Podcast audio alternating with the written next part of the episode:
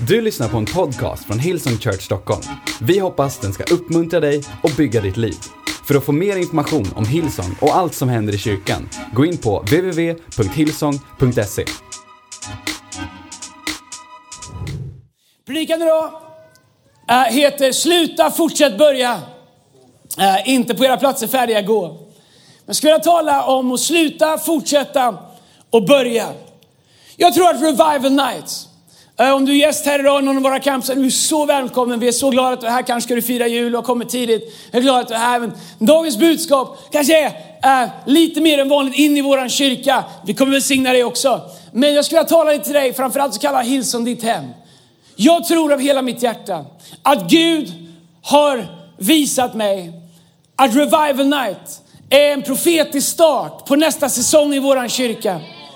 Jag ska säga vad jag menar med det. Vi kommer ifrån två år som har varit helt fantastiska. De sista två åren så har vi gått ifrån eh, två, tre campusar till sex campusar. Eh, om man bara ser det mänskliga i det, eh, att lära sig hur det går till så har det varit en av de största utmaningarna någonsin i, i mitt liv och i våra teams liv och vår kyrkas liv. Men Gud har hjälpt oss eh, och vi har zigzackat och lärt oss allt eftersom. Men vi har haft två år av, eh, av att eh, bygga struktur och av att lära oss hur vi ska göra saker och ting. Och, och det har varit helt rätt. Och vi har gått ifrån att vara en lokal kyrka här i Stockholm till att bli en nationell kyrka. Utifrån det tilltalet som vi fick för några år sedan. Att Gud har kallat oss till att bygga en kyrka som förvandlar en nation. Amen. Och vi tror att det spelar roll eh, vad som sker i vår huvudstad och vad som sker i våra stora städer, att det har en, eh, spelar roll för vårt land. Jag tror det av hela mitt hjärta. Men du förstår, en säsong är bra så länge man är i den säsongen man ska vara i. Och jag upplever av hela mitt hjärta att den säsong vi har varit i har varit rätt, men att Gud vill leda oss in i en ny säsong. Att Gud vill leda oss ur en säsong av eh, fokusera på struktur, fokusera på, vi har ju vunnit människor och gjort massa saker, vi har döpt, jag tror nästan 300 människor och vi har dop idag igen. Och så det är inte det att vi inte har gjort det vi brukar göra. Men jag tror att Gud vill hjälpa oss att gå in i en ny säsong. Eh, och eh, ett ord som jag eh, upplever att Gud har lagt på mitt hjärta är föd mina lamm och visa världen Jesus. Så om du undrar vad nästa år kommer handla om, så kommer det handla om föd mina lamm. Det sa Jesus till Petrus. Jesus frågade Petrus, har du mig kär? Så Petrus, du vet att jag älskar dig. Så han, föd mina lamm. Vilka är lammen? Det är de troende, de som tror på Gud. Så det vi ska göra nästa år, jag tror att det kommer bli ett fokus på att föd mina lamm. Att du ska växa i din tro. Att våra rötter ska gå ner. Att våran tro ska växa, att våra visioner ska växa, att våran bild av Gud ska växa, att vi ska bli lite helare, att vi ska kunna gå ut ännu mer i det som Gud har kallat oss till, att det ska finnas mat i våra liv. Mitt största fokus kommer vara att se till att du har en mat som du behöver för att göra det som Gud har kallat dig till. Föd mina lamm och visa världen Jesus. Mer än någonsin ska vi göra mer än någonsin för att visa den här världen vem Jesus är. Jag tror att, att eh, det har aldrig varit mer angeläget för Gud att vi förstår värdet av att, att människor verkligen får en relation med Jesus. Gud är underbar. Ingen har problem med Gud. Gud välsignar dig och, och Gud är med och, och, bara Gud kan döma mig och allt. Men Gud är, han är helt, han är awesome. Men det är någonting med Jesus. Som ibland, eh, till och med kyrkor kan tycka att kan vi inte bara runda Jesus lite grann, prata lite om kärleken, prata lite om Gud. Men vet du vad? Jesus, evangelium är Guds kraft till frälsning. Jesus är vägen ut ur det liv som vi har komplicerat oss till själva innan. Han är vägen in i det liv som Gud har för oss. Så utan Jesus finns det inga löften. Utan Jesus finns det ingen kraft. Utan Jesus så finns det ingen väg in i det nya livet i Kristus. Utan Jesus ingen gåva av rättfärdighet. Då kämpar vi under religionen med lite Gud och lite kärlek och lite han är min sång och min glädje och jag är likadan för det. Men med Jesus så blir allt annorlunda så visa världen Jesus. Jag tror att den helige Ande med start på Revival kommer göra någonting i våran kyrka och i våra liv som vi aldrig varit med om tidigare. Så för min del så är jag redan i en förberedelsetid fram till dess. Eh, jag vet att vi har något möte kvar innan och, och, och det är bra. Men för att gå in i en ny säsong så måste du lämna den säsong du har varit i. Så problemet är, att Gud, problemet är inte att Gud inte ger oss nya säsonger. Problemet är att vi så ofta vill hålla kvar i den säsong vi har varit i. Till och med lärjungarna gjorde det när de var med Jesus uppe på berget och de såg Mose och Elia och, och, och där uppe. Och, och Petrus säger till Jesus, Jesus vi struntar och går tillbaks till de andra. Vi stannar här, här är Gud har gott att vara. Vi bygger tre hyddor åt oss och så har vi det bra här. Lite profeter som är här som ett hologram. Jesus är här och jag, jag är här, sa Petrus. Och, och vet, han, han tyckte de skulle sitta där, för det var härligt. Och Petrus är här och Jesus är här. Och vad roligt att Mose är här och Elias är här. Och han struntar ju fullständigt i att det är en hel värld som Jesus har kommit för. För han tyckte, nu är vi ju en bra säsong. Kan vi inte bara ha det som vi har det? Men nu förstår allting med Gud är fyllt av liv. Allting som har liv växer. Allting som har liv måste utvecklas, måste gå framåt. Så den sekunden vi sätter oss ner och säger, här är Gud har gått och vara. Så här ska vi ha det alltid så är det någonting som går vidare när vi blir kvar. Och när vi försöker applicera ord som Gud ger oss för det som är framför, i det som vi har stannat kvar i, så kommer det aldrig funka för oss. Därför att Guds ord är alltid kopplat till den säsong som han vill leda oss in i. Det fanns inte frihet för Israels folk medan de var i Egypten. Inte ens de som bråkade i öknen kunde komma in i löftet därför att det var säsong och du var tvungen att följa med. Kaleb och Jesua sa, här det finns en säsong där vi kan ta löfteslandet. Det finns en säsong där vi kan gå in. Men tio sa, det kommer aldrig att gå, vi stannar i öknen. De alla visste om löftena men inte alla ville kliva in i en ny säsong. Så det finns väldigt mycket som du och jag kan göra för att sätta Guds ord i rörelse i våra liv. Vi kan ha bönemöten, vi kan fasta och vi kan, vi kan liksom ge, ge kollekter, vi kan göra alla mänskliga attribut. Allt det där är bra. Men det finns vissa saker som bara sker när vi vågar följa Gud in i nästa säsong. Därför att Guds ord är alltid kopplat till Guds timing och till hans momentum. Så för att kunna gå in i en ny säsong så måste du lämna den säsong du har varit i. Jag tror att det finns tre saker som vi behöver tänka på inför år som ligger framför. Vi behöver fundera på vad ska vi sluta göra? Vad ska vi fortsätta göra? Och vad ska du börja göra? I ditt liv och för oss som kyrka. Vad ska du sluta göra? I Johannes kapitel 15, vers 16 så står det så här. Hoppas det inte går för fort, för eh, det här är så långsamt det går. All right?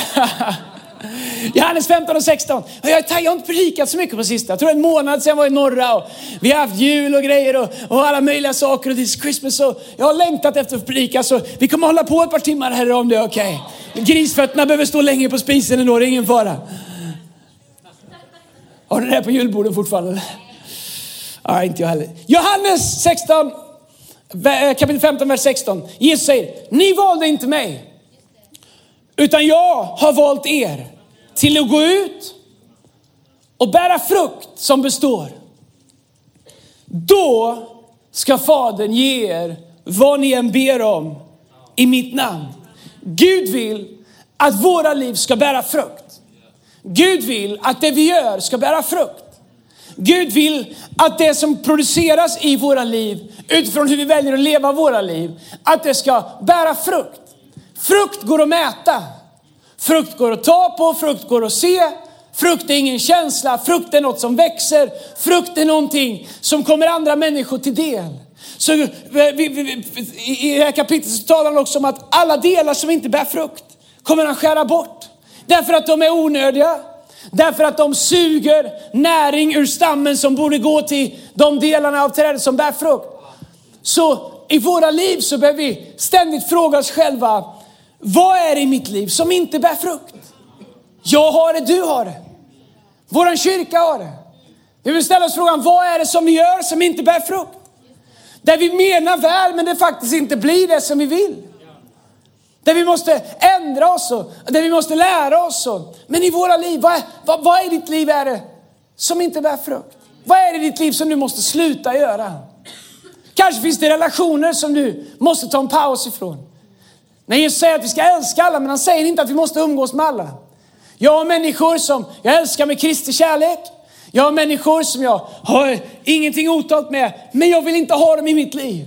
Därför att det är någonting, eh, i vissa fall så tar de fram dåliga sidor av mig som jag måste jobba hårt för att hålla i schack.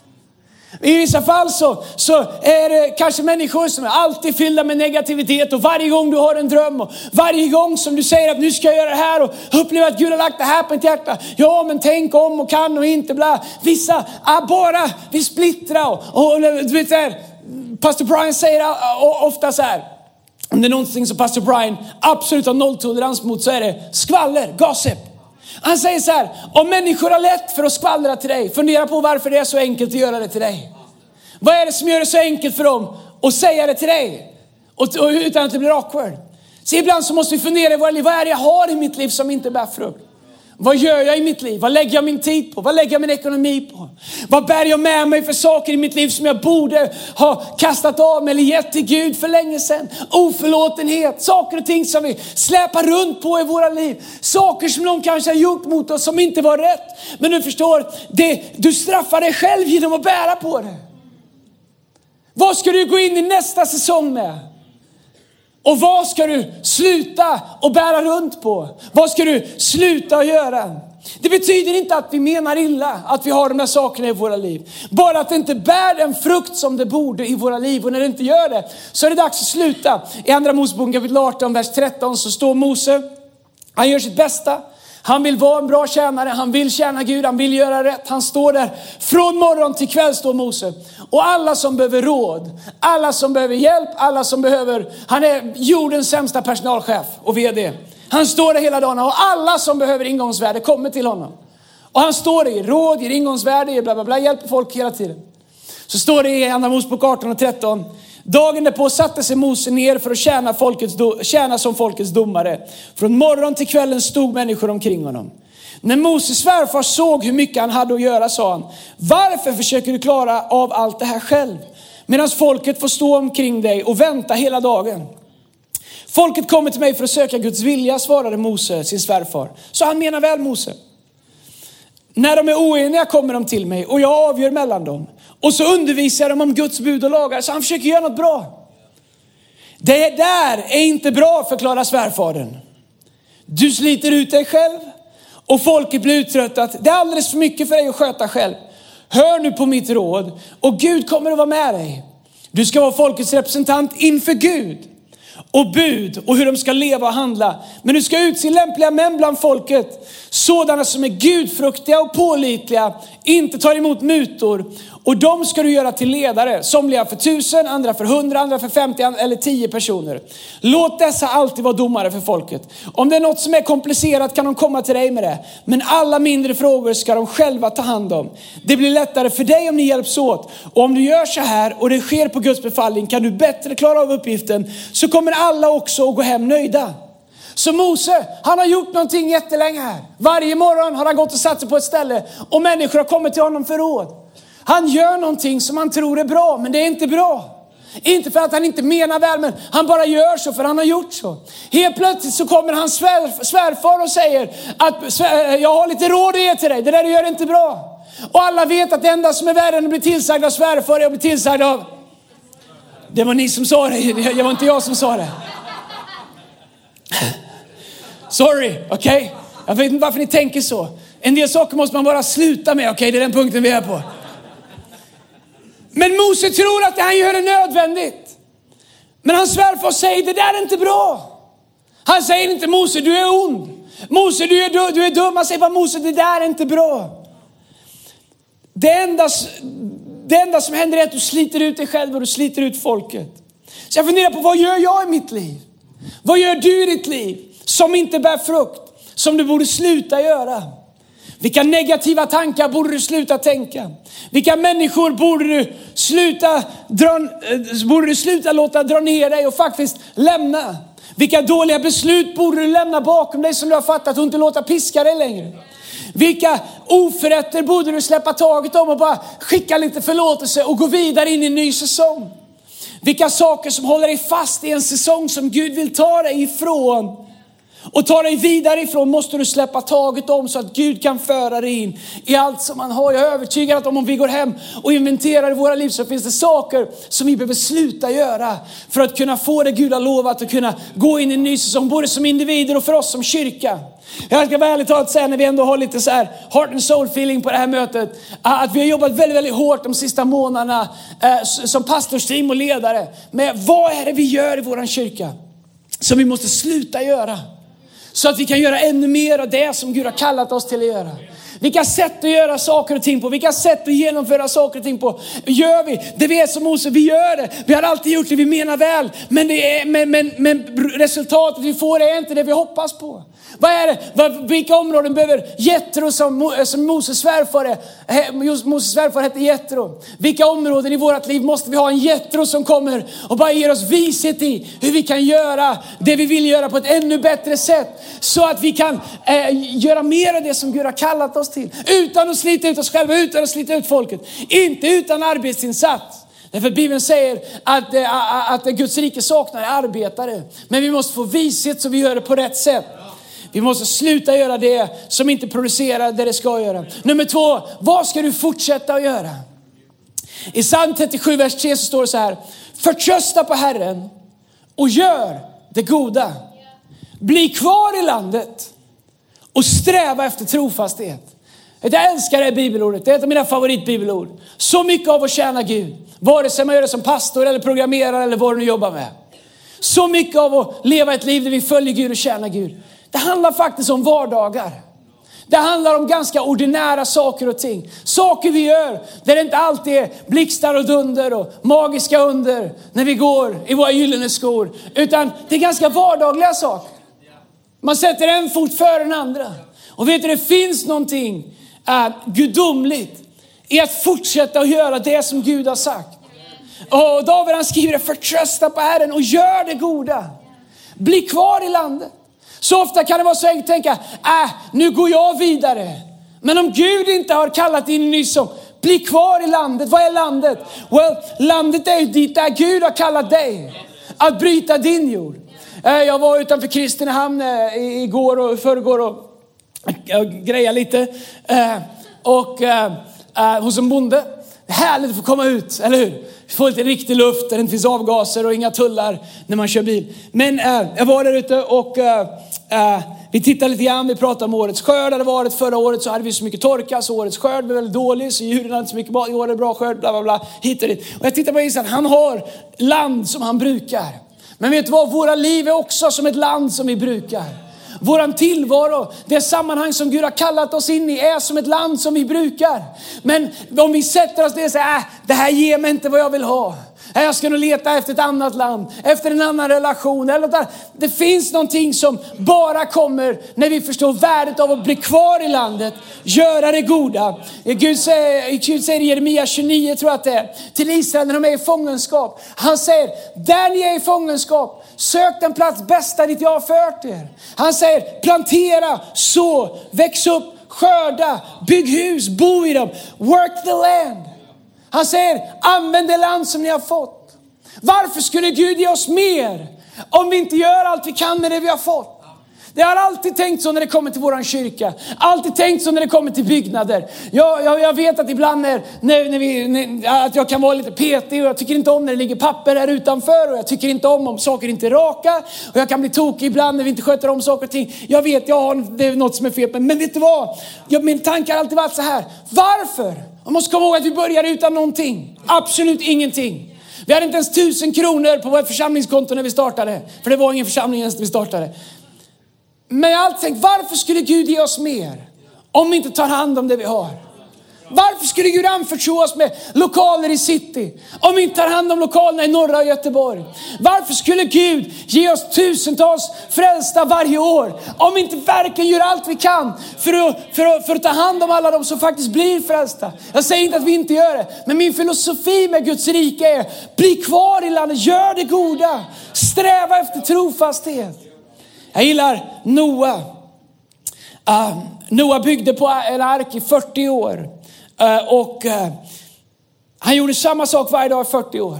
Och jag har sett att så mycket av det som Gud har gjort i mitt liv har kommit av att jag har gjort samma sak Igen och igen och igen och igen och igen och igen. I början kändes de andliga och lite, lite liksom så halvkul och sådär. Men efter att du gjort det ett tag så kan de kännas väldigt mänskliga. Var med i team. Be, läsa Bibeln, ge det tionde. Du vet ibland när du inspirerar allt det där, det känns som det går på mål. Ibland är det bara någonting man gör för att man vill vara kvar i landet, sträva efter trofasthet, göra det goda. Noah han byggde på en ark i 40 år. Varje dag i 40 år, säger Bibeln, så samlades människor runt omkring och sa Noah varför bygger du på en ark? Det regnar ju inte ens här. Det är långt från vatten. Ska du göra samma sak idag? Det var ju inte så att han åkte till Bauhaus eller Byggmax eller, jag vill också säga att det finns flera andra trävaruhus som du kan handla på. Eh, han åkte ju liksom inte och köpte virke. Tryckat virke, bra. Grabberskruv som är bra att skruva i.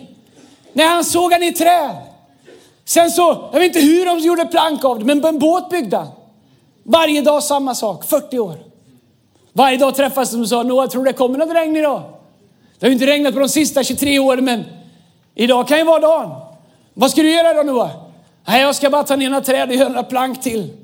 Vi har precis kommit upp till, förbi kölen, vi, vi börjar bygga här lite grann. Ja, det ser inte ut som det har hänt så mycket de sista veckorna. Nej, det har det inte gjort heller, men jag har hållit på 23 år, så kan lika gärna hålla på idag också. Han gjorde samma sak, samma sak, samma sak. Varje dag ska de fråga Noah, vad gör du? Vad gjorde Noah? Worked his land. Han jobbade på sitt land. Han jobbade på det som Gud hade gett honom. Gud hade inte bett honom fixa regn.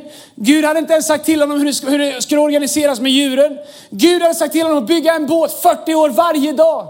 Varje morgon 40 år, en planka till, ett träd till, fästa en sak till, samma sak år efter år efter år efter år efter år. Tror du han var glad när det började regna att han hade gjort det? 40 år. En del, när jag var anställd på företaget och nu har jag jobbat där tre månader och jag är fortfarande inte chef. Var är du Gud? Du har inte ens lärt dig stryka skjortan. Vilket alla män med självaktning kan. Du vet så här, en del saker med Gud är ett resultat av att Gud vill se vad vi gör i det ordinära. Innan han kommer ge oss någonting av det extraordinära. Vi kan se människor som pikar eller det går bra för dem och, man tänker, åh, tänk om man hade varit det och tänk om, tänk om man hade gjort det. Men du har inte sett alla timmar som de har gjort när du inte har sett någonting. Du har inte sett alla timmar de släpade på utrustning innan de ens fick hålla i någonting i utrustningen. Kan se någon som är äldre och som har ett bra boende och tänka, åh, tänk om jag hade haft det sådär. Well, du vet inte vart de började. Jag och Lina vi är välsignade med ett hus som vi älskar och för oss är det en superblessing. Men vi började i ett råttbo när vi gifte oss med insparkade väggar och, och det var, man hade svampat med turkosfärg på stuckaturtapet och golvet var uppbrutet och ingen ville köpa det. Jag sa det här är perfekt. Det är kanon. För det var det enda vi hade råd med. Så jag sålde in det till Lina. Det här var magiskt. Ingenting som inte lite gips och nytt parkettgolv kan fixa. Det blev ju, men det blev vårt hem i nästan tio år. Våra döttrar föddes där. De växte upp, hade sina småbarnsson där. 63 kvadrat, det var tajt. Vi hade timsamlingar där. Kyrkan var där i början. Men vet du vad? Det gick från att vara ett råttbo till att vara ett hem. Men vet du vad det var? Det var varje dag, varje vecka, varje månad att göra det bästa med det som Gud hade gett oss. Det spelar ingen roll vilket område av livet du applicerar det på. Välsignelse är en frukt av att bli kvar i landet och göra det goda. Att sträva efter trofasthet. Och i en värld där vi har alla options vid våra händer hela tiden och göra vad vi än vill, när vi än vill det. Så finns det en annan princip i Guds rike. Bli kvar i landet. Sträva efter det goda. Sträva efter trofasthet. Vårt jobb är att använda det som Gud har kallat oss till. Inte för att det finns vatten när Gud kallar oss till att bygga våran ark, vad det nu representerar i våra liv. Utan för att Gud alltid har en plan som är ett resultat av våran trofasthet. Vad är det du ska fortsätta göra? Vad är det för saker i ditt liv där du känner att äh, nu har jag gjort det här så länge. Jag kanske skulle hoppa av team. Jag kanske skulle stänga min connect-grupp. Jag kanske inte skulle vara med i det här längre. Jag kanske inte, du vet, så här ska, jag kanske inte ska ta min fru på dejt regelbundet längre. Jag kanske inte ska vara, eh, du vet, så här, träffa de här vännerna som jag vet att det betyder så mycket för. Och så, de här sa, jag har gjort det så länge nu. Det är så vardagligt. Men min bön är att du skulle gå till Gud och fråga Gud, Gud vad är det du vill jag ska fortsätta göra det? Och Gud om du vill jag ska fortsätta göra det så spelar det inte någon roll om det är att sätta på en planka varannan dag på en ark som jag aldrig vet när den blir klar. För det är vad du har kallat mig till. Hebreerbrevet säger, har jag inte sagt att ni ska få se Guds rike om ni inte ger upp? Jag är övertygad om att så mycket av det vi gör med att bygga en kyrka är samma sak år efter år efter år efter år. Men jag lovar dig att vi bygger på en ark. Vi bygger på ett räddningsfartyg. Vi bygger på någonting som människor som bara ser i slutet aldrig kommer förstå vad som krävdes för att få det att börja. Men vi ska fortsätta bygga på det. Vi ska fortsätta göra det Gud har kallat det. Därför att det handlar inte om vad vi bygger. Det handlar om de som ska få plats i det. Det handlar om de som kommer behöva det när regnet kommer i Jesu namn. Amen. Vad ska du sluta göra? Vad ska du fortsätta göra? Och till sist, vad ska du börja göra? Jesaja 43, vers 18 i, i, en parafras som heter Nybibeln eller översättning så står det så här. Glöm det som har varit. Bli inte kvar i det förgångna. Nu gör jag något nytt. Det spirar redan, ser ni inte det? Jag ska göra en väg genom öknen och strömmar i ödemarken. Jag älskar att ni säger, nu gör jag något nytt. Vet du att det finns någonting med Gud som måste fångas. Lyssna på mig, titta på mig alla kameror. City och, och Göteborg och online här i norra. Vissa saker med Gud måste fångas. De går inte att lära sig. De går inte liksom ah, de går inte ens debattera som, som, som så här ser jag på det. Tycker. Vissa saker med Gud måste fångas. Elisa fångade någonting av Elia när han var med honom. Lärjungarna fångade någonting av Jesus. Det finns saker i Guds rike som måste fångas. Där man måste få profetiska ögon för att se vad det är som Gud gör. Som, det kanske inte ens makes sense när man ser det. Det får inte plats i våra excelar. Det går inte att göra du vet, sådana rutmönster med streck och, och, och, organisationsschema över. Det är någonting som Gud gör. En sak har jag upplevt att Gud, han frågar inte mig om när han tycker han ska göra saker och ting. Nummer ett för att han vet bättre, och nummer två för att han är allsmäktig och nummer tre för vad har jag att tillägga. Vissa saker måste man fånga. Här säger Jesaja, nu gör jag något nytt, säger Gud. Nu! Vad ska du fånga i nästa säsong som Gud gör?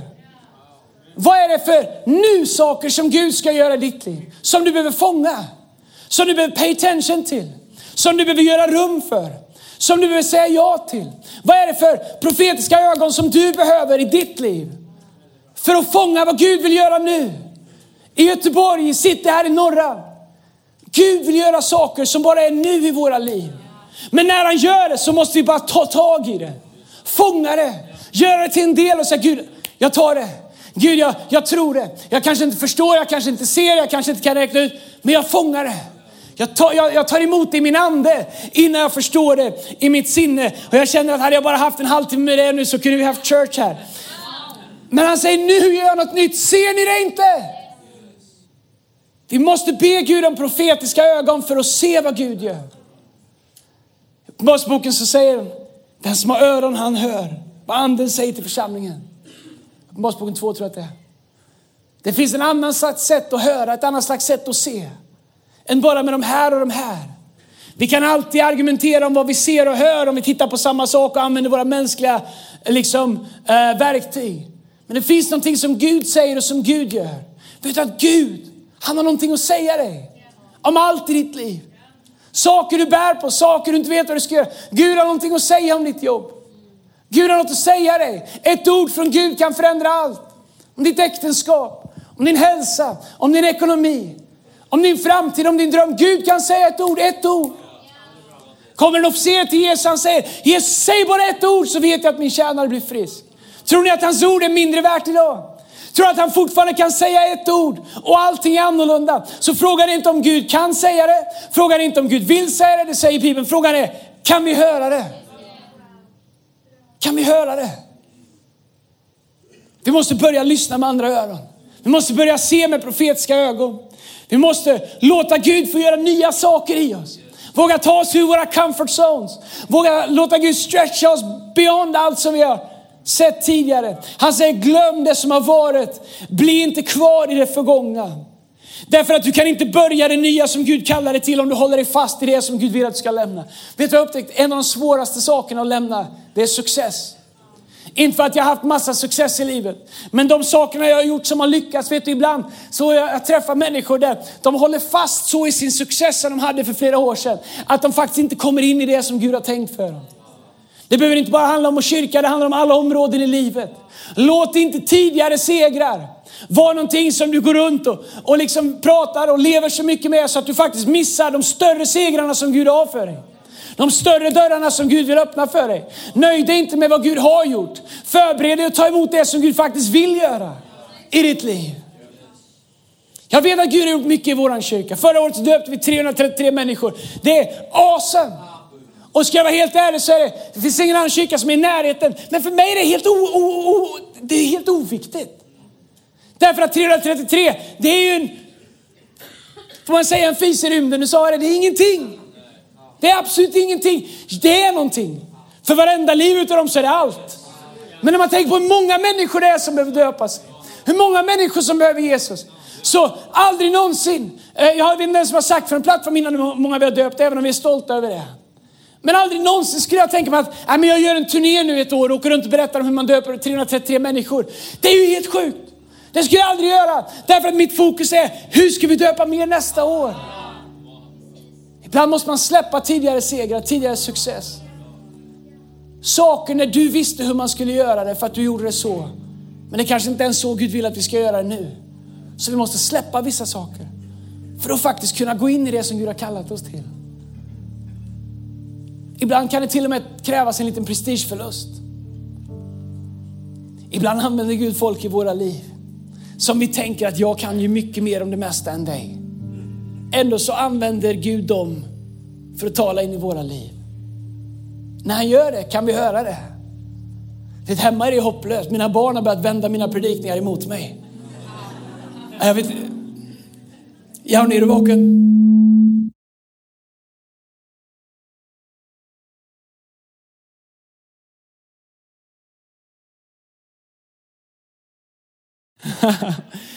Kitos Jauni.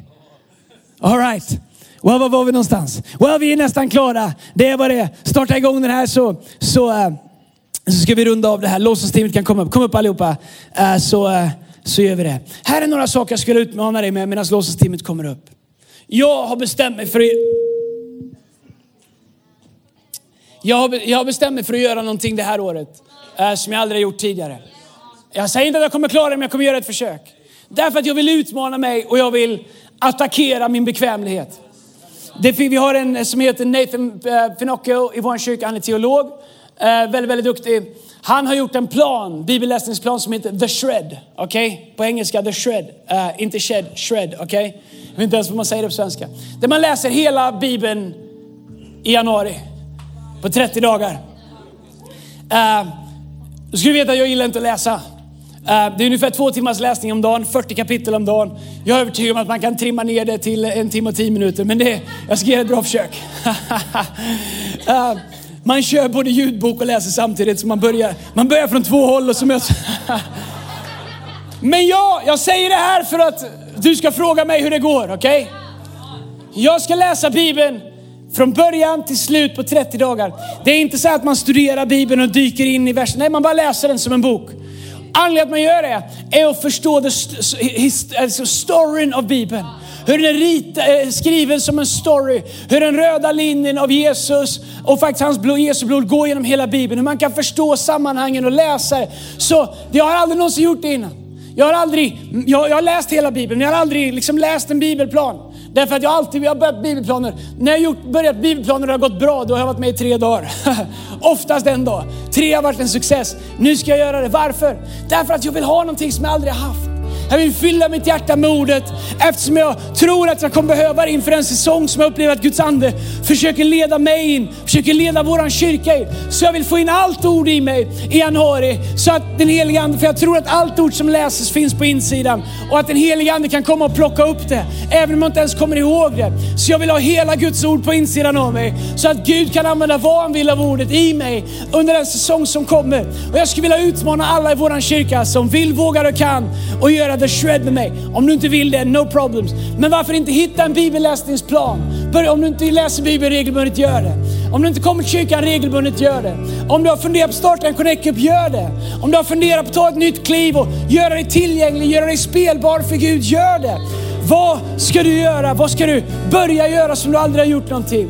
Höjden av idioti är att göra samma sak som du alltid har gjort och hoppas på att få någonting som du aldrig har fått. Du får vad du har fått om du gör vad du har gjort. Och det är bra när det kommer till det som Gud har sagt. Men om du vill ha någonting från Gud som du aldrig har haft, fråga Gud, vad vill du jag ska göra nu? Vilka steg i tro vill du att jag ska ta? Amen. Kom on, ska vi, ska vi resa på oss på alla våra campusar? Du har lyssnat till en podcast från Hillsong Church Stockholm. Om du vill veta mer om vår kyrka eller om våra söndagsmöten, surfa in på www.hillsong.se.